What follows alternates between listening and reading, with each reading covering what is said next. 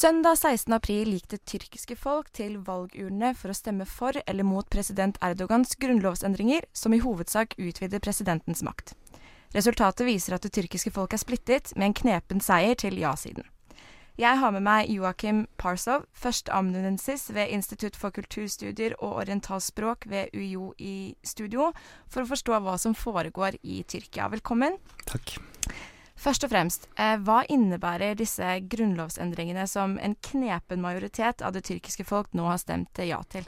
Ja, eh, I utgangspunktet så, så, innebærer det at man går over fra et eh, parlamentarisk system, um, som riktignok noen ganger i Tyrkia er blitt kalt semipresidensielt, til et rent presidensielt system.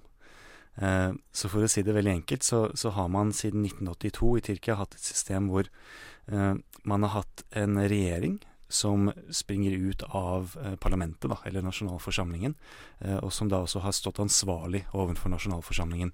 Slik at eh, nasjonalforsamlingen kan eh, kontrollere regjeringen, eh, den kan stille mistillitsforslag, eh, slik at regjeringen da er avhengig av å ha flertallet av medlemmene i nasjonalforsamlingen på sin side for å kunne fungere. og, og den regjeringen har da vært den, den utøvende makt men så har man da i tillegg hatt et presidentembete. Eh, og den tyrkiske presidenten er ifølge 1982-grunnloven ment å være en slags eh, overordnet, litt symbolsk og for det meste ikke-politisk stilling. Eh, så de som har blitt presidenter, de har for det første eh, fram til 2014, da Erdogan ble valgt president, så har de blitt valgt av nasjonalforsamlingen selv. Eh, og de har stort sett hatt en slags representativ funksjon. Så de har, de har ikke kunnet ha eh, bånd eller medlemskap i politiske partier, f.eks. Hvis de hadde det før, så må de melde seg ut av partiene. Eh, og så har de hatt en del sånne representative funksjoner, ikke sant, å klippe snorer osv. Men så har de i tillegg, og det er det som gjør det semipresidensielt, så har de i tillegg hatt visse fullmakter til å f.eks. sende lovforslag tilbake til parlamentet for å stemmes over en gang til. Det er det som gjør at presidenten har hatt litt makt før, men ikke så mye. Nå går man også over til et, et rent presidensielt system, slik at regjeringen fullt og helt nå tilhører presidenten. Presidenten velges direkte av folket. Han utnevner selv hele regjeringen, og de er ikke ansvarlig overfor nasjonalforsamlingen. Og det er vel det man har i USA og i en del andre land. Hvorfor er det da sånn at disse endringene har skapt så stor oppsikt i Tyrkia? Mm. Eh, det er flere grunner til det. Det, er riktig at, den, eh, at, det systemet man får nå, ligner en del på det systemet man har i USA eller Frankrike f.eks. Eh, men det er noen små forskjeller.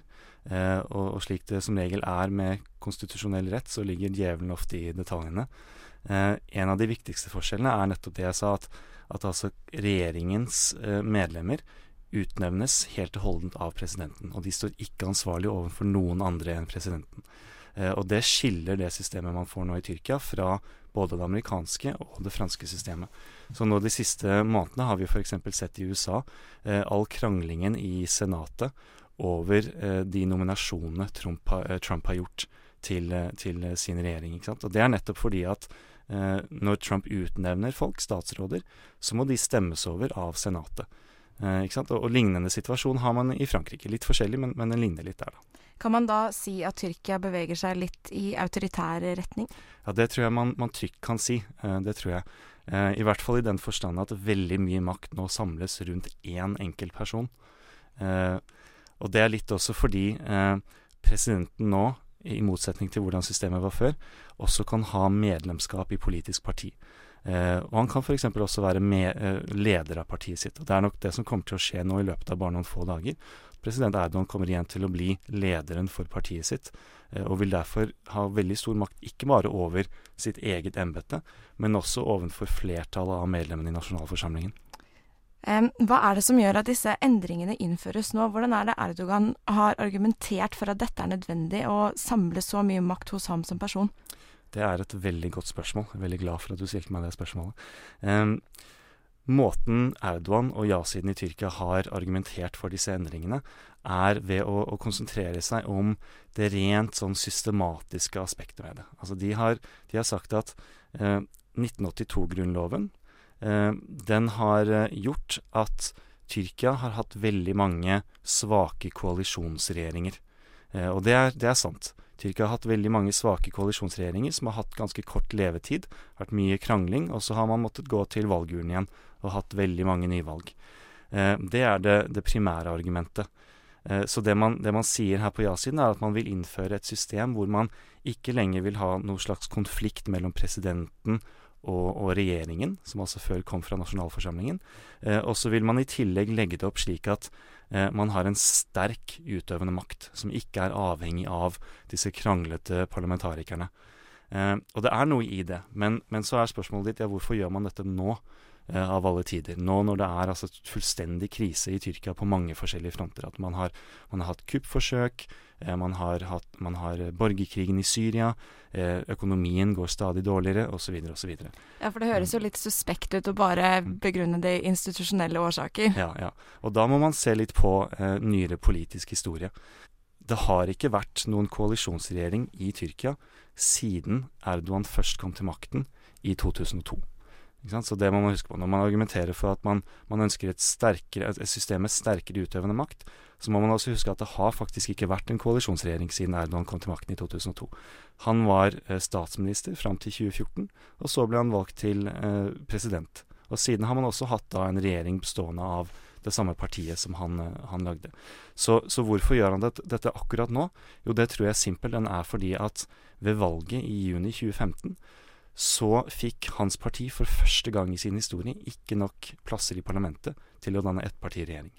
Så det er rett og slett for å sikre sin egen makt at han gjør det nå. Men ja, hvis vi flytter fokuset litt over på velgerne, det er jo 53,1% av den tyrkiske befolkningen som har sagt ja til disse grunnlovsendringene. Hvis vi skulle prøvd å finne ut av hva er det som gjør at det tyrkiske folk syns at dette er en god idé, ja, det er én ting jeg må si først, og det er at ja. uh, det er riktig det du sier nå, at, at, det er de tallene vi har nå. Mm. Uh, men, uh, men, vi må også huske på at disse tallene er veldig omdiskuterte akkurat nå. de er veldig kontroversielle. og det pågår akkurat nå en kampanje i Tyrkia for å underkjenne dette resultatet, bl.a. fordi det er så mange som hevder at det har vært valgfusk. Så det er en ting vi bare må huske å ha litt sånn i mente når vi diskuterer disse tallene. Men hvis vi nå går ut ifra da, at det er et flertall, og det kan godt hende at det faktisk er et flertall som har stemt ja, eh, ja så kan man spørre seg hvorfor. Jeg tror eh, svaret er ganske enkelt, egentlig. For det første så tror jeg det er eh, veldig mange som ikke har sett så veldig nøye på grunnlovsendringene som kanskje ikke har satt seg noe særlig inn i det. Det er litt uh, fordi uh, det, det, krever at man, man, leser litt inn i det, og leser litt sånne opinioner rundt det. Uh, men det er også litt fordi at spesielt ja-siden i Tyrkia ikke har brukt så mye ressurser på å egentlig opplyse allmennheten om hva som ligger i disse grunnlovsendringene. og for det andre så tror jeg også det er fordi det er veldig mange av Erdogans støttespillere i Tyrkia som ikke syns det er så veldig viktig dette her med ja, sånne tilsynelatende abstrakte forhold som eh, maktfordeling, konstitusjonelle prinsipper osv. Altså det er sånne, sånne, prinsipper som for mange virker litt eh, livsfjernt, akkurat som det ikke har så veldig mye med livene deres å gjøre. Det som derimot ikke er så livsfjernt, det er f.eks. det at Erdogan siden 2002 faktisk har eh, forbedret infrastrukturen veldig i Tyrkia. Han har forbedret velferdssystemet. Han har gjort livet lettere for veldig mange. Eh, og jeg, jeg, tror det er veldig mange som setter pris på det, og som syns det er viktigere enn sånne som sagt tilsynelatende abstrakte prinsipper. Eh, men så får vi se, da. Så jeg mener jo at disse endringene selvfølgelig kommer til å ha en effekt på folks liv. Eh, ja. Men det vil kanskje vise seg etter hvert. President Erdogan har jo har, han, har, han har vist en del autoritære holdninger siden han ble president i 2014. Og nå i det siste så virker det som om dette har kulminert litt, i hvert fall ut i denne folkeavstemningen, er det mulig å bare si kort noe om denne utviklingen til Erdogan? Mm. Det er litt uh, komplisert, men jeg, for å si det veldig enkelt, så tror jeg vi kan si at uh, altså Erdogan kom jo fra en, uh, en, rekke partier som eksisterte på 70-, 80- og 90-tallet, som var islamistiske på en bestemt måte. De var antivestlige. de var også faktisk antikapitalistiske. de hadde en, en ganske rar, litt bestemt ideologi. Um, han brøt ut av disse partiene tidlig på 2000-tallet og, og, dannet så sitt eget parti. Det partiet som da heter Rettferdighets- og utviklingspartiet, eller AKP. Eh, og det var et, et, veldig nytt type parti i Tyrkia. Det var et parti som tiltrakk seg støtte fra mange forskjellige politiske retninger i Tyrkia. Eh, det var ikke bare konservative muslimer som stemte på ham. Det var også liberale, sekulære, til og med en del på venstresiden som stemte på ham. Eh, og det gjorde at partiet hans de første årene de satt ved makten, var en ganske bred koalisjon. Eh, en, en, mangfoldig koalisjon som mange så på som et, et, et, håp for Tyrkia. Et parti som endelig liksom skulle bringe Tyrkia inn i den europeiske politiske sfæren. Liberalisere systemet og gjøre det mer pluralistisk. Eh, men det har endret seg, eh, og, og, noe av det som har endret seg, er også da sammensetningen av den koalisjonen som nå utgjør grunnstammen i partiet hans. Eh, siden sånn ca. 2008-2009 så har den koalisjonen blitt mye smalere. Eh, og hvis vi går enda litt lenger frem i tid, sånn ca. 2013, så har den ikke bare blitt smalere, men den har også dreid seg merkbart i mer nasjonalistisk retning. Eh, han har mer og mer nå begynt å eh, lene seg på noen andre politiske retninger enn han gjorde før, og da særlig de mer sånn ultranasjonalistiske eh, delene av det tyrkiske samfunnet. Mm. Og det har vi sett veldig nå fram eh, mot denne folkeavstemningen, i, særlig i valgkampen, da han faktisk hadde en slags koalisjon med Nasjonalistpartiet og det var nok Han håpet nok at det skulle gjøre at han skulle komme komfortabelt over uh, flertallsgrensen for å få et ja. Eh, nå ser det ut til at han ikke fikk så veldig mye støtte blant Nasjonalistpartiets velgere som han trodde han skulle få, men, men, det er likevel verdt å merke seg det når vi tenker på hvilken retning han har gått i de siste årene.